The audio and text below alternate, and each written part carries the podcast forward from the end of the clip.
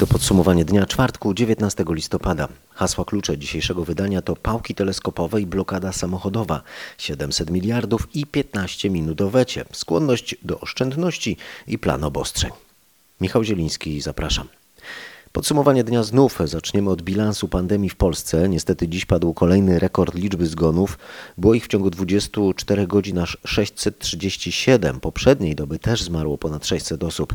Zwiększyła się również liczba nowych zakażeń potwierdzonych testami. Było ich niemal 24 tysiące.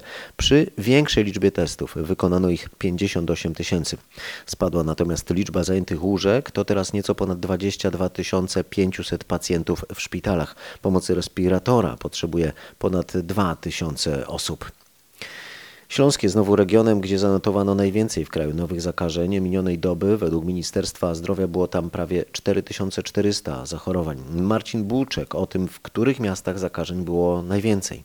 Najwięcej nowych zachorowań zanotowano tu w Katowicach. To ponad 250 przypadków, nieco ponad 170 było w Rudzie Śląskiej, a blisko 150 w Częstochowie. Przy większości nowych zakażeń mowa jest o trudnych do ustalenia tzw. Tak źródłach rozproszonych. Stabilizuje się natomiast sytuacja w DPS-ach. O ponad 2,5 tysiąca osób wzrosła też liczba ozdrowieńców. Jednocześnie także w ciągu ostatniej doby ponad 1500 kolejnych mieszkańców regionu trafiło na kwarantannę. Już jutro, a najpóźniej w poniedziałek, powinniśmy się dowiedzieć, co dalej z obostrzeniami towarzyszącymi pandemii. Premier ma przedstawić plan organizacji pracy gospodarki sięgający przyszłego roku. Ten plan ma obejmować nawet trzy miesiące. Chodzi o okres do lutego, kiedy, jak ma nadzieję rząd, uda się zacząć akcję szczepień.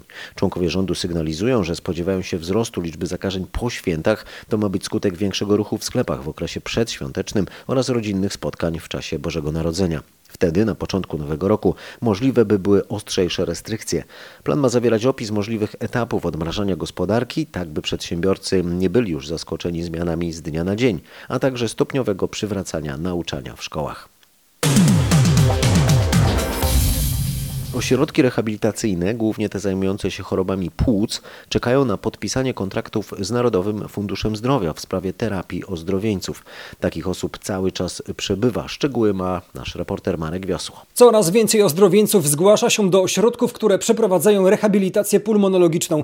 Takie terapie są bardzo pomocne, ale NFZ nie rozlicza ich jako rehabilitację ozdrowieńców. Na razie jedyna tego typu pilotażowa terapia prowadzona jest w szpitalu w Głuchołazach, mówi Aleksandra Kwiecień z Małopolskiego oddziału NFZ. Nie ma świadczenia rehabilitacyjnego dla pacjentów ściśle po przebytej chorobie COVID-19, ale pacjenci mogą korzystać na przykład z rehabilitacji pulmonologicznej. Czekamy na dostępność kontraktów rehabilitacji ozdrowieńców. Zgłasza się do nas coraz więcej osób, które przeszły koronawirusa, mówi dr Małgorzata Kasprzyk-Żyszczyńska z Małopolskiego Szpitala Chorób Płuc i Rehabilitacji. My w ramach rehabilitacji pulmonologicznej również możemy tych pacjentów rehabilitować, jednakże nie ma e, jeszcze takiego produktu rozliczanego przez NFZ. Zespół pokowidowy jest nową chorobą i ci pacjenci borykają się z wieloma problemami. Tylko w tym szpitalu rehabilitację pulmonologiczną przechodzi kilkudziesięciu ozdrowieńców.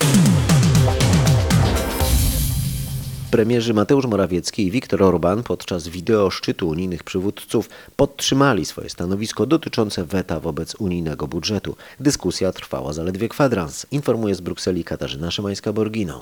Jak ujawnił mi jeden z dyplomatów, szef Rady Europejskiej Charles Michel przed wideoszczytem skontaktował się ze wszystkimi delegacjami, aby upewnić się, że dyskusja nie wymknie się spod kontroli. Dyplomata wyjaśnił, że wideokonferencja nie jest odpowiednim formatem do negocjacji. Zresztą nikt nie liczył, że rozwiązanie tego problemu nastąpi dzisiaj. Do tego trzeba czasu i delikatnych zakulisowych rozmów. Przywódcy mogą jeszcze ewentualnie wrócić do tego tematu. Na razie skupiają się na kwestiach związanych z pandemią. Wypowiedzą się także podczas konferencji konferencji prasowych. Podczas tych kilkunastu minut kanclerz Niemiec Angela Merkel przedstawiła sytuację, premierzy Polski, Węgier i Słowenii wyjaśnili przyczyny swojego sprzeciwu, a wszyscy mówili, że chcą rozwiązania problemu. A już po południu rzecznik rządu Piotr Miller wykluczał porozumienie dziś wieczorem kiedy w takim razie można e, liczyć na to, że uda się rozwiązać sprawę. O tym Krzysztof Berenda. Najwcześniej 10 grudnia, ewentualnie zaraz po świętach Bożego Narodzenia, tak mówi rzecznik rządu. Raczej spodziewam się, że jeżeli miałyby ostateczne decyzje w tym zakresie być podejmowane, to e, w czasie posiedzenia, które odbiłoby się fizycznie w Brukseli. Problem w tym, że Polska mówi twarde nie wiązaniu wypłaty unijnych pieniędzy z praworządnością. Francja i Holandia mówi z kolei twarde nie bezwarunkowemu wypłacaniu pieniędzy tym krajom, których rządy niszczą sądownictwo i nie szanują praw człowieka. A o to właśnie polski rząd jest często oskarżany. Mm, Rząd Mateusza Morawieckiego chce szukać sojuszników, ale ważny jest tutaj czas. Każdy miesiąc zwłoki w wypłacie tych nowych unijnych pieniędzy to większe bezrobocie w całej Europie. Międzynarodowi eksperci finansowi oceniają, że przed końcem roku Polska i Węgry wycofają jednak weto, w zamian uzyskując złagodzenie mechanizmu powiązania wypłat unijnych pieniędzy z praworządnością. Dzięki temu unijny budżet będzie mógł normalnie funkcjonować, a władze Polski i Węgier uzyskają ochronę przed naciskami z Zachodu, czym będą e, mogły pochwalić się przed e, Polakami i Węgrami. Wracamy teraz do Brukseli. Nasza korespondentka o tym, jak może wyglądać to osiąganie porozumienia. Najpierw będzie perswazja, potem próba rozbicia jedności polsko-węgierskiej. Niektórzy unijni dyplomaci są przekonani, że Polsce bardziej niż Węgrom zależy na unijnych pieniądzach i w związku z tym da się w końcu przekonać. Wtedy Wiktorowi Orbanowi trudniej będzie stawiać opór w pojedynkę. Kolejnym krokiem mają być tak zwane propozycje nie do odrzucenia. Komisja Europejska już przygotowuje deklarację wyjaśniającą, którą można by było dołączyć do rozporządzenia o mechanizmie praworządnościowym. Wyjaśniono by w niej, że mechanizm będzie stosowany obiektywnie, a nie uznaniowo, jak obawia się Warszawa. Rozważa się także opóźnienie wejścia w życie tego mechanizmu lub stosowanie go tylko do nowych pieniędzy. Jest też koncepcja odesłania rozporządzenia do CUE, by to unijny trybunał wydał ocenę jego zgodności z unijnym prawem. No i w końcu jest broń atomowa, czyli straszak w postaci porozumienia 25 krajów, czyli bez Polski i Węgier w sprawie funduszu odbudowy po pandemii. Zdaniem byłego premiera Leszka Millera Unia Europejska powinna używać argumentów wstrzymania wypłat, jeśli uzna, że Polska czy inne kraje wspólnoty łamie zasady praworządności.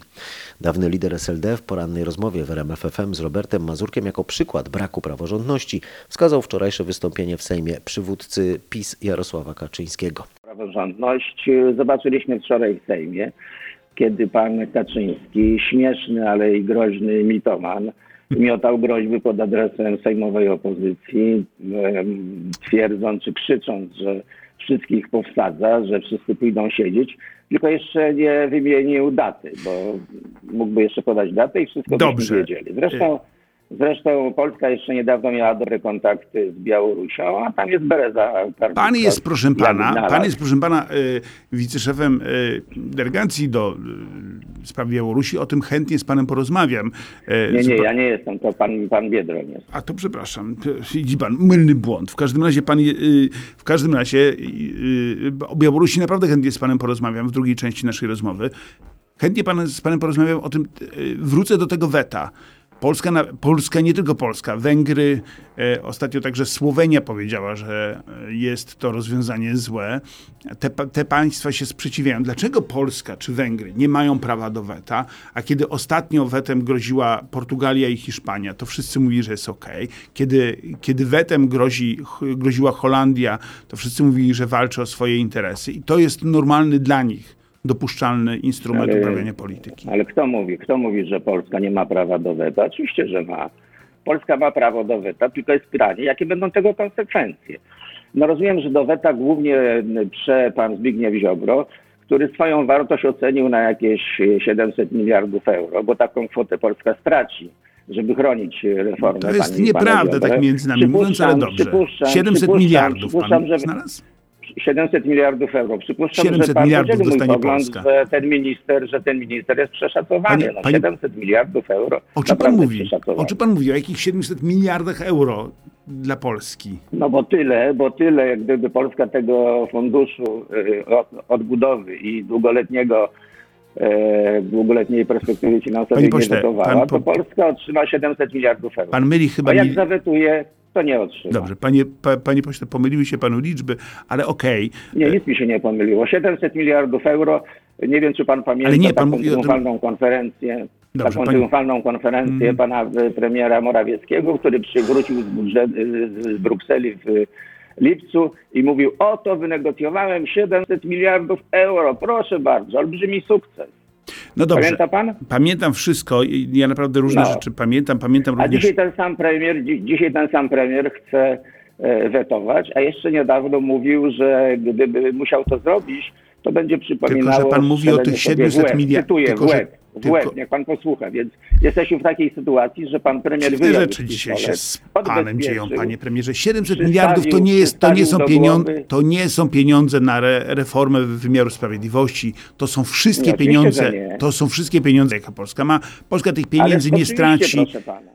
Uporządkujmy zatem te dane. Według zapowiedzi premiera Morawieckiego sprzed kilku miesięcy w nowym siedmioletnim budżecie Unii Polska mogłaby uzyskać 700 miliardów złotych.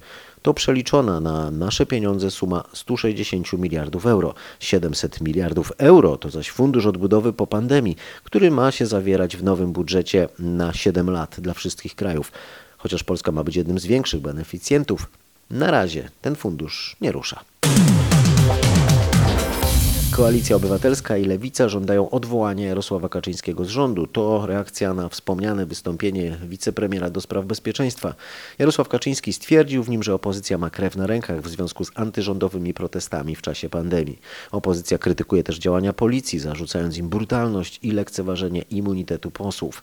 O szczegółach Patryk Michalski. Opozycję do czerwoności oburzyły informacje o połamaniu legitymacji poselskiej i użyciu gazu wobec ich posłanek oraz o incydencie z udziałem Włodzimierza Czarzastego. Wicemarszałek Sejmu twierdzi, że nie mógł wejść na teren Sejmu i że został zatrzymany przez policjantów, którzy początkowo go nie rozpoznali. W odpowiedzi usłyszał, że to funkcjonariusz wpadł na hak holowniczy i najbliższe tygodnie spędzi w szpitalu. Zostałem popchnięty na maskę samochodu, zostałem uderzony z tyłu w plecy, zostałem unieruchomiony. Dzisiaj rano się dowiedziałem, że pobiłem policjanta. Marszałek Sejmu zwróciła się o wyjaśnienia do komendanta głównego policji, który twierdzi, że do zatrzymania nie doszło. Sprawa jest wyjaśniana, mówił szef MSWiA. Mariusz Kamiński zarzucał opozycji podgrzewanie atmosfery i wziął w obronę Jarosława Kaczyńskiego. Stwierdził, że wniosek o odwołanie jest źle zaadresowany. To ja od samego początku pełni codziennie sprawuję realny nadzór nad formacjami mi podległymi, w tym nad polską policją. Mówił szef MSWiA. Policjanci postrzelili śmiertelnie 35-letniego mężczyznę podczas interwencji domowej we Wraninie na zachodnim Pomorzu. O to, co się stało, dowiadywała się Aneta Łuczkowska. Jak policja przedstawia to zdarzenie? Policja dostała po trzeciej w nocy wezwanie do awantury domowej. W jej trakcie 35-latek groził domownikom, że ich zabije i atakował uzbrojony w dwa noże.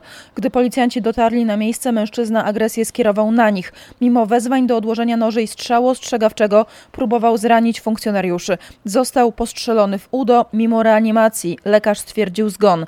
To, czy policjant prawidłowo użył broni, będzie teraz wyjaśniać Wydział Kontroli. Sprawę bada też prokuratura. 35-latek miał mieć problemy psychiczne. Teraz w podsumowaniu dnia więcej e, na temat tego, co działo się wczoraj w Warszawie. Około 3,5 tysiąca policjantów zabezpieczało protest ogólnopolskiego strajku kobiet w Warszawie. Ten protest był znacznie mniej liczny niż wcześniejsze. Na ulicę wyszło około tysiąca osób. Według demonstrantów policja zastosowała wobec nich nieuzasadnioną przemoc i była brutalna. Z informacji uzyskanych przez naszego reportera wynika, że w operacji wziął udział kilkudziesięciu funkcjonariuszy Biura Operacji Antyterrorystycznych.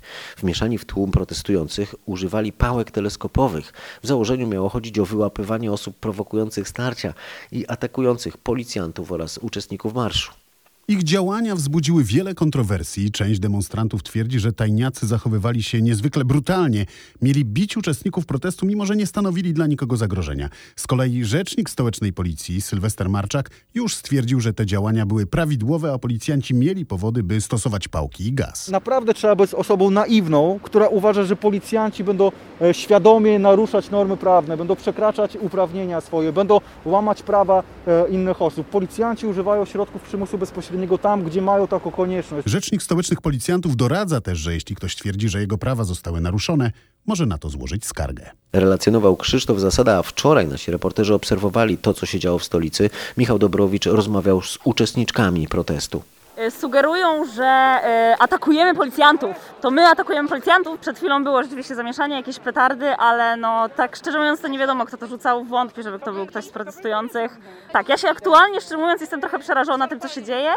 Teraz panie są tutaj, nie idą panie do domu. Nawet jakbyśmy chciały, to nie jesteśmy w stanie, ponieważ e, blokuje policja e, komukolwiek. No wygląda to raczej skandalicznie. Policja nas tutaj trzyma, nie wiadomo z jakiego powodu. Tak naprawdę nie wiadomo, co chcą osiągnąć. Chyba tylko chcą psychologiczne jakieś zagrywki zastosować. Ratusz zwrócił się do policji o wyjaśnienia. Według prezydenta Rafała Trzaskowskiego zastosowanie gazu oraz skierowanie do akcji tajniaków wyposażonych w pałki nie miało uzasadnienia. Rafał Trzaskowski podkreśla, że policjantów było znacznie więcej niż protestujących.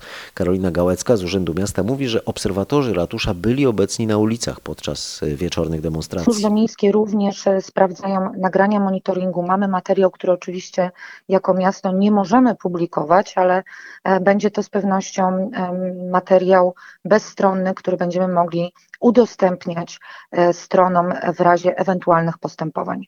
Na rmf24.pl publikujemy filmy z tych wczorajszych zajść. Widać na nich m.in. interwencje policjantów ubranych po cywilnemu. O tym, co się działo wczoraj w Warszawie, Marcin Zaborski rozmawiał z Andrzejem Szarym. Nasz dziennikarz pytał się, czy policjanci przed wczorajszymi zajściami otrzymali wytyczne, czy mieli zachowywać się powściągliwie, czy wręcz przeciwnie. Policjant y, przed y, każdą służbą tego typu zabezpieczeniem o takiej du- dużej skali obejmującej kilka tysięcy osób y, dostaje wytyczne, jak ma postępować. I zapewne żaden przełożony nie mówi w ten sposób, że macie być ostrzy, zdecydowani i używać środków przymusu bezpośredniego. mówi? Informacja, informacja jest następująca. Jeżeli są przypadki naruszenia prawa, ataku na policjanta, zniesławienia, znieważenia, macie panowie podjąć działania, aby ta osoba została wylegitymowana, zatrzymana i doprowadzona do jednostki Mówił pan, że y, to jest oczywiste, że w czasie protestów, w czasie zabezpieczenia protestów biorą udział ci nieoznakowani, nieumundurowani policjanci, ale czy oni biorą udział w takich operacjach od początku, czy dopiero są ściągani, kiedy istnieje jakieś ryzyko, podejrzenie, że wydarzyć się może coś bardzo niebezpiecznego? Odpowiedź jest logiczna. Od samego początku. Nigdy nie wiadomo, jak się rozpocznie zgromadzenie publiczne, jak będzie przebiegało. Policjanci operacyjni mają mieć, być w tle policjantów mundurowych, mu, mają mieć rozpoznanie, mają kontakt z dowódcą zabezpieczenia, informują, jeżeli dostają informację, że się przemieszcza grupa zorganizowana, która na przykład ma racę, która y, jest y, powiedzmy ogolenie albo kibole się przemieszczają, no to jest obowiązkiem operacyjnych przekazywać tą informację do dowódcy zabezpieczenia, ten przekazuje to dowódcom służb mundurowych i wtedy podejmujemy adekwatne działania. Nie może być tak, że będziemy dopiero wprowadzali służby operacyjne, kiedy się coś wydarzy. Musimy mieć rozpoznanie od samego początku, a powiem panu wcześniej, nawet wcześniej przed zabezpieczeniem służby operacyjne zbierają informacje odnośnie ewentualnie osób, które mogą spowodować y, bałagan na terenie miasta. A w jakiej sytuacji do takiej operacji użyci mogliby zostać funkcjonariusze Biura Operacji Antyterrorystycznych? Nie będę odpowiadał na to pytanie, bo, bo, nie- bo nie wiem. Jeżeli jest zagrożenie dla życia i zdrowia, to są osoby, z tego co wiem, antyterroryści są bardzo dobrze wyszkoleni, mają takie same uprawnienia jak każdy policjant. Oni nie, oprócz tego są jeszcze wyjątkowo sprawni i skuteczni w działaniu i zapewne, jeżeli jest taka potrzeba, to decyzje o użyciu funkcjonariuszy tych pododdziałów są wydawa- podjęte przez komendanta stołecznego policji. A kto w policji, panie inspektorze, może używać pałki teleskopowej? no, funkcjonariusz y, na pewno pionu operacyjnego może używać. No, nie wyobrażam sobie, że y, funkcjonariusz pionu operacyjnego będzie miał pałkę szturmową schowaną za koszulą i będzie ją wyjmował, kiedy będzie potrzebował. No, jest to chyba logiczne i tego typu pałki są używane, są dopuszczone. W jakiej I- sytuacji i po- można użyć takiej pałki? No, jeżeli istnieje zagrożenie dla życia i zdrowia, jeżeli jest czynna napaść na policjantów, jeżeli jest agresja, atak, no to w takim wypadku ta pałka jest y, używana Jedna z uczestniczek protestu sprzed trzech tygodni, która została oskarżona o zranienie racą policjanta, nie trafi do aresztu. Taką decyzję podjął dziś sąd w Warszawie. Przed gmachem sądu zebrało się kilkadziesiąt osób e, po to, by pokazać wsparcie dla zatrzymanej 25-latki. Policja otoczyła zebranych, a po kilkudziesięciu minutach zatrzymała kilka osób, które siedziały przed wejściem. Co chwilę wyciągali brutalnie, brutalnie, brutalnie wyciągali nas, e, otoczyli nas kordonem. E, na początku zaatakowali naszego kolegę. My usiedliśmy, trzymaliśmy się, a oni co chwilę brutalnie wyciągali każdą kolejną osobę. E, wiemy, że kilka osób jest zatrzymanych na ulicy Żytniej. Nie, no, to jest jakaś paranoja. No, policja, policja się zachowuje absurdalnie w normalnym, demokratycznym kraju. Nie powinno dochodzić do takiej sytuacji. E, że pod pretekstem rozporządzenia covidowego policja twierdzi, że zgromadzenie jest nielegalne, w związku z czym najpierw je rozgania, zatrzymuje ludzi, szarpie ludzi. Najbardziej skandaliczny moment był taki, kiedy policjant uderzył koleżankę, przewrócił ją na ziemię. Nie wiem z jakiego powodu, wydaje mi się, że bez żadnego. I jeszcze na dodatek przez dłuższy czas odmawiał się wylegitymowania. Tymczasem organizatorki strajku kobiet już zapowiadają kolejne protesty. Posłuchajcie Agnieszki Czeredereckiej ze strajku kobiet. Sylwestra zamierzamy świętować koniec PiSu. Ale zanim będzie ten Sylwester, mamy 28 listopada. To jest ta kolejna data, kiedy następny raz ewentualnie coś zrobimy. Jest to 28 listopada, jeszcze nie wiemy co, jeszcze nie powiemy co.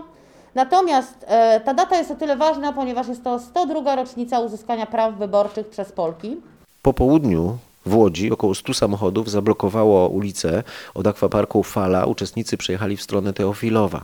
Protestujemy cały czas dlatego, że rząd nie słucha nas, dalej jakby nic się nie zmienia, nie zmieniają swojej postawy, dalej próbują przepychać swoje psychopatyczne zapędy, bo inaczej tego nie można określić. Nie jest brany pod uwagę głos ludzi, demokracja nie jest szanowana w naszym kraju i po prostu rząd robi co chce. To, co się dzieje obecnie w polityce pod e, przewodnictwem rządów PiS, e, no również e, woła o pomstę do e, Boga, więc e, no, chcemy dać wyraz te, tym nastrojom, które panują wśród obywatelek i obywateli, bo są też z nami panowie. Żeby bronić e, praw kobiet e, i walczyć e, o to, żeby w tym kraju było chociaż trochę lepiej. Nie godzimy się na takie e, traktowanie pokojowych e, protestów, jakie było do tej pory. Nie godzimy się na używanie siły i przemocy wobec ludzi, którzy po prostu wyrażają swoje zdanie w jedyny sposób, który jeszcze myśleliśmy, że jest nam dany prawnie, czyli po prostu poprzez spacery, poprzez mówienie swoich postulatów. Wczorajsze wydarzenia bardzo mocno nami wstrząsnęły i jest nam bardzo przykro, że ten rząd próbuje z nami zmierzyć się właśnie w taki sposób. Dlatego chcę mu pokazać, że się nie boimy i że będziemy e, walczyć e, o swoje, mimo tego, że oni grają. Z uczestniczkami protestu rozmawiała Magdalena Greinert. Koronakryzys skłania nas do oszczędności. Większość Polaków odczuła podwyżki, więcej niż co trzeci pogorszenie sytuacji finansowej. Raport Krajowego Rejestru Długów przejrzał Grzegorz Kwolek, y, który powie, gdzie szukamy teraz oszczędności. Mniej wydajemy na kosmetyki, zabiegi pielęgnacyjne czy fryzjerskie. Widać też efekty wprowadzenia pracy z domu. Ograniczyliśmy zakupy obuwia i ubrań, zwłaszcza tych biznesowych i roboczych. Zakupy niezbędne, takie jak jedzenie, są bardziej przemyślane. Nie tylko oszczędzamy, ale także inaczej wydajemy. Niektórzy pieniądze, które przeznaczyliby na drogą kolację, koncert czy podróż, wydają na bardziej dostępne przyjemności. rekompensują sobie to innymi przyjemnościami. Zmieniają wystrój mieszkania, kupują sprzęt elektroniczny z wyższej półki. Każdy szuka namiastki normalności w tych trudnych realiach. Mówi Adam Łącki, prezes Krajowego Rejestru Długów i dodaje, że wiele osób ograniczyło wydatki, bo chce mieć oszczędności na wypadek kolejnej fali pandemii, utraty pracy albo konieczności opłacenia prywatnego leczenia. W podsumowaniu dnia teraz Stany Zjednoczone i walka o wygraną w wyborach prezydenckich. Po wyborach. Kłamiecie, krzyczał do dziennikarzy na konferencji prasowej prawnik Donalda Trumpa Rudy Giuliani. Zapewniał, że ostatecznie uda się udowodnić, że w czasie wyborów doszło nie do pomyłek i błędów, ale do zaplanowanej akcji sfałszowania wyników głosowania. Wskazał przy tym na zaprzysiężonych świadków, którzy mają zeznawać, że brali udział w fałszerstwach. Z Waszyngtonu korespondent RMFFM Paweł Żuchowski. Ale sądy odrzucają kolejne pozwy, wskazując, że nie mają one absolutnie znaczenia. Nie ma żadnych dowodów na masowe oszustwa. W dwóch hrabstwach w stanie Georgia przy zliczaniu głosów nie uwzględniono dwóch pakietów. To w sumie kilka tysięcy głosów, ale tam wciąż jest przewaga Bidena i Donald Trump nawet z tymi głosami nadal jest za byłym wiceprezydentem USA. Donald Trump nadal nie uznaje wyników głosowania. Zespół Bidena ma problemy z przejmowaniem władzy. Departamenty odmawiają współpracy. Nikt nie wie, co zamierza dalej Trump. Rodzą się pytania o to, jak będzie wyglądała ceremonia zaprzysiężenia nowego przywódcy USA i czy pojawi się na Kapitolu Donald Trump. Podsumowaniu dnia teraz jeszcze echa wczorajszej porażki polskich piłkarzy z Holandią. Biało-czerwoni przegrali na Stadionie Śląskim 1 do 2.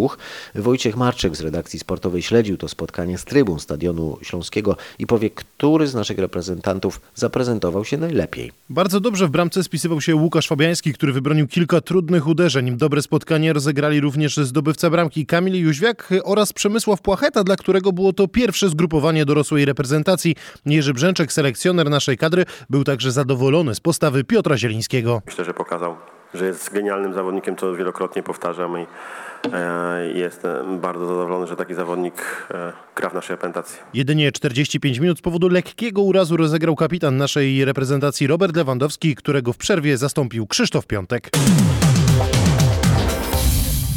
Nie czekajmy na pierwszy atak zimy. Już teraz przygotujmy samochód do tej pory roku.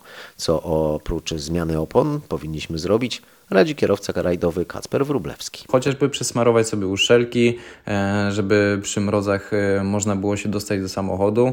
E, Też warto było mieć ze sobą coś do odmrażania zamka, jeżeli ktoś nie ma bezprzewodowego kluczyka. Zamki lubią zamarzać. Na pewno trzeba pamiętać o tym, żeby nie oszczędzać na przygotowaniach auta do zimy, kupować opony nowe. Nie muszą to być najwyższej marki, najwyższej klasy, ale ważne, żeby te opony były świeże, żeby guma nie była zgrębiała, ponieważ e, dużo ludzi kupuje używane opony, co nie jest dobrym wyborem. Lepiej kupić tańszą, nową oponę z gumą przydatną do jazdy, miękką, która działa w każdych warunkach. Z Kacprem Wróblewskim rozmawiał nasz reporter Piotr Błakowski.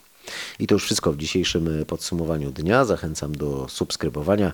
Na razie dziękuję za uwagę. Do usłyszenia.